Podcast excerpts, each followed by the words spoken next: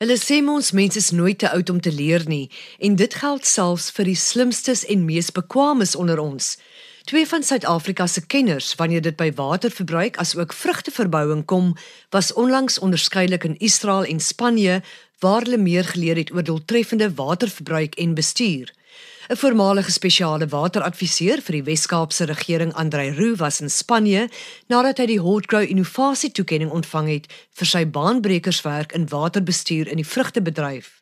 Die assistent algemene bestuurder van Hotgrow Science, professor Vian Stein, het in Israel gaan kers opsteek.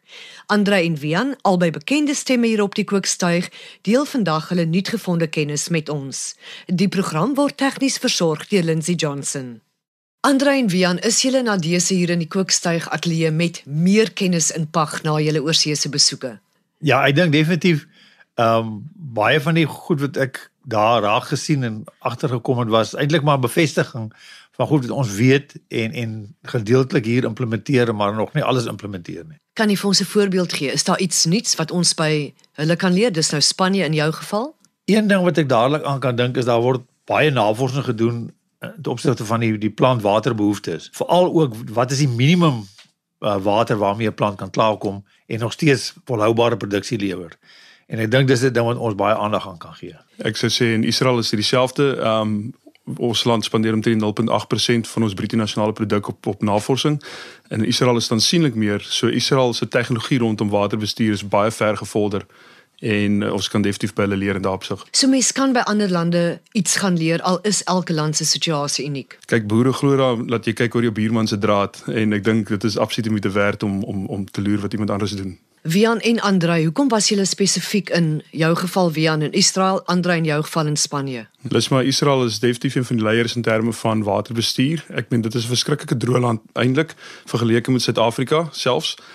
Israel gebruik hulle selfe water oor en oor. Ek meen hulle doen aansienlik meer met dieselfde hoeveelheid water as wat ons doen. Ek dink in daardie opsig is daar baie om te leer by hulle. Ook in terme van hoe dit bestuur word op 'n nasionale vlak, gekoördineer word. Andrei? Ek het Spanje gekies want hulle het ook die ehm um, mediterrane klimaat soos ons en dis bekend dat hulle ook ehm um, periodieke droogtes ervaar.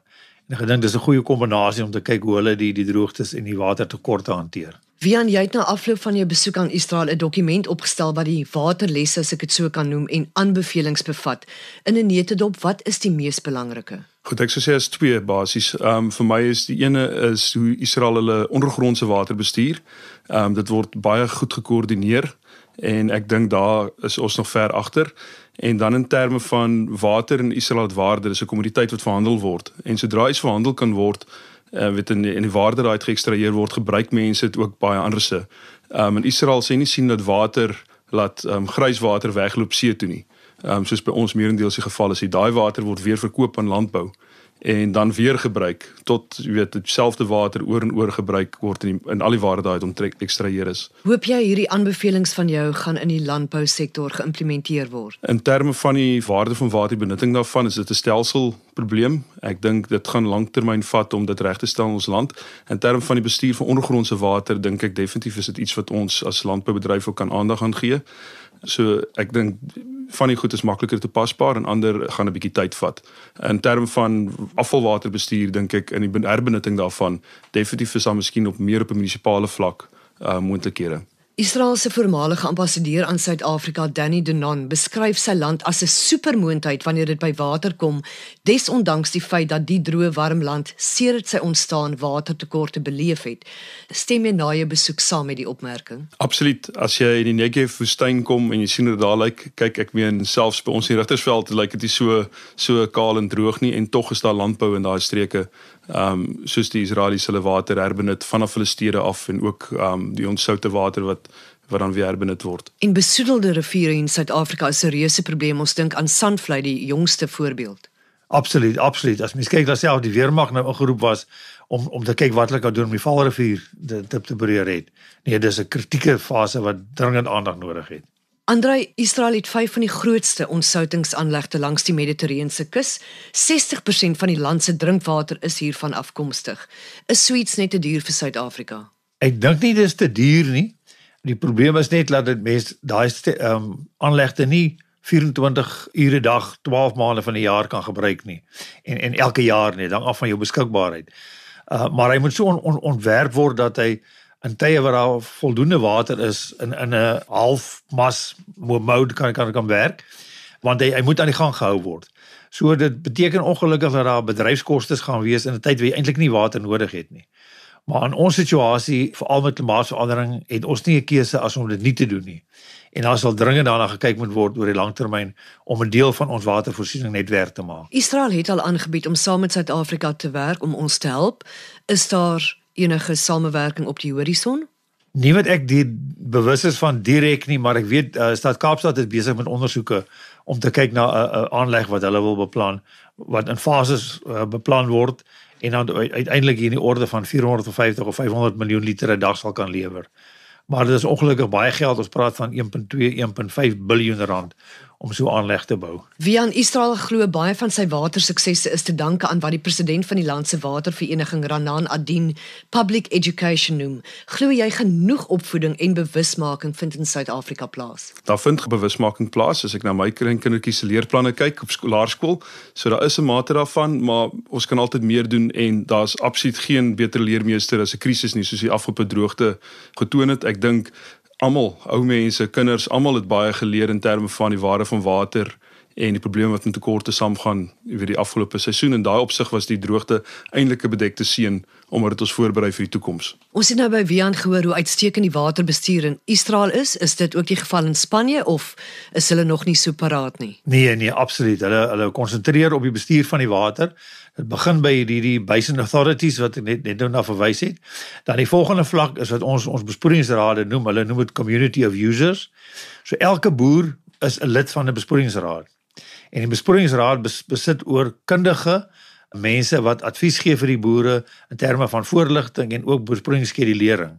En daai diens word nie gratis aan die boere gegee en betaal vir die diens, maar hulle is bereid om te betaal daarvoor want hulle weet hulle kry waarde vir geld. Is daar enige ander klimaatslim praktyke wat julle opgeval het en wat julle glo ook hier in Suid-Afrika kan werk, Wian? Dis maar ehm um, die appelproduksie wat ons gesien het in Israel was ook hoofsaaklik onder nette en ons weet dat nette kan aansienlik water bespaar. Dan word drip op groot skaal gebruik net soos wat ander genoem het vir Spanje. Sekere bedrywe in Suid-Afrika gebruik reeds drip. Die sagte vrugtebedryf is onder mikrobespuiting of besproeiing wat wel baie effektief is, maar drip is potensieel nog 'n stapie verder. En ons nuwe boord van die toekoms wat ons gaan uitrol van 4 jaar af, gaan ons kyk na blokke waar ons dripbesproeiing gaan gaan evalueer om vir produsente te wys wat watter mate vir ons kan werk en dit gee vir ons net nog addisionele bietjie besparing um, in terme van die effektiwiteit van die van die besproeiing wat hoor is. Andre van jou kant af? Ek dink uh, Spanje het vir ons gewys uh hoe hulle die die uitdagings um aanvaar en hanteer. In die Almeria uh, distrik is daar meer as 26000 hektaar nette en uh, tonnels waar daar in die winter groente geproduseer word. Um hulle voorsien daar uit omtrent 20% van Europa se se winterbehoefte aan groente. En dan in die somer as dit baie warm is, dan word daar niks geproduseer nie maar die ultravioletstraling in die tonnels steriliseer eintlik die tonnels om hulle weer gereed te kry vir die volgende oes. So hulle maak gebruik van die van die situasie om in die winter te produseer wanneer daar 'n bietjie water is en die klimaat bietjie meer ehm um, aanvaarbaar is vir hulle om om aan daai behoeftes te voldoen. Laaste vraag aan julle albei. Is daar iets wat hierdie lande by Suid-Afrika kan leer? Ek dink so ja, um, ons is dink ek ook baie ver gevorder in terme van ons besproeiingstegnologie wat beskikbaar is. Dit word al tot 'n groot mate toegepas, maar daar's altyd ruimte vir verbetering. En, en ek dink samewerking tussen die lande kan kan daartoe lei dat ons albei beter begrip het van die die ou begrip van molkroppe drop. Ek dink uh, ek praat nou van dit 'n sagte vrugte oogpunt en in daai oogpunt uit Suid-Afrika definitief een van die leiers in die wêreld van produksie onder toestande wat nie altyd noodwendig so gunstig is nie. En met klimaatsverandering gaan die noordelike halfrond hoofsaaklik um vir al die Suid-Europese lande al hoe meer in dieselfde situasie kom waarin ons al jare lank was. So ek dink daar's baie te leer vir vir navorsers en vir vir streke produsente in in daai dele van die wêreld oor wat ons produsente hierso doen ek dink ons doen eintlik verskriklik goed gegeewe waarmee ons werk en uh, in terme van grond en klimaat. So ek voorsien dat daar baie geleenthede is vir internasionale samewerking noordelike suidelike halfrond op 'n navorsingsgebied van sagte vrugteproduksie onder klimaatsverandering. Dit was Andrei Roo en professor Wian Stein wat tydens hulle oorseese besoeke kosbare waterlesse vir Suid-Afrika geleer het. Soos professor Stein sê, moet Suid-Afrika 'n land soos Israel se voorbeeld volg waar die waterkwessie sentraal staan en as prioriteit beskou word vir die volhoubaarheid van die landbousektor en die land in geheel. Die groot les van albei ons sprekers is dat ons meer met minder sal moet doen. Die program word ondersteun deur die Wes-Kaapse Departement van Landbou. Ons groet tot volgende week. Onthou die aarde is kosbaar. Kom ons bewaar dit.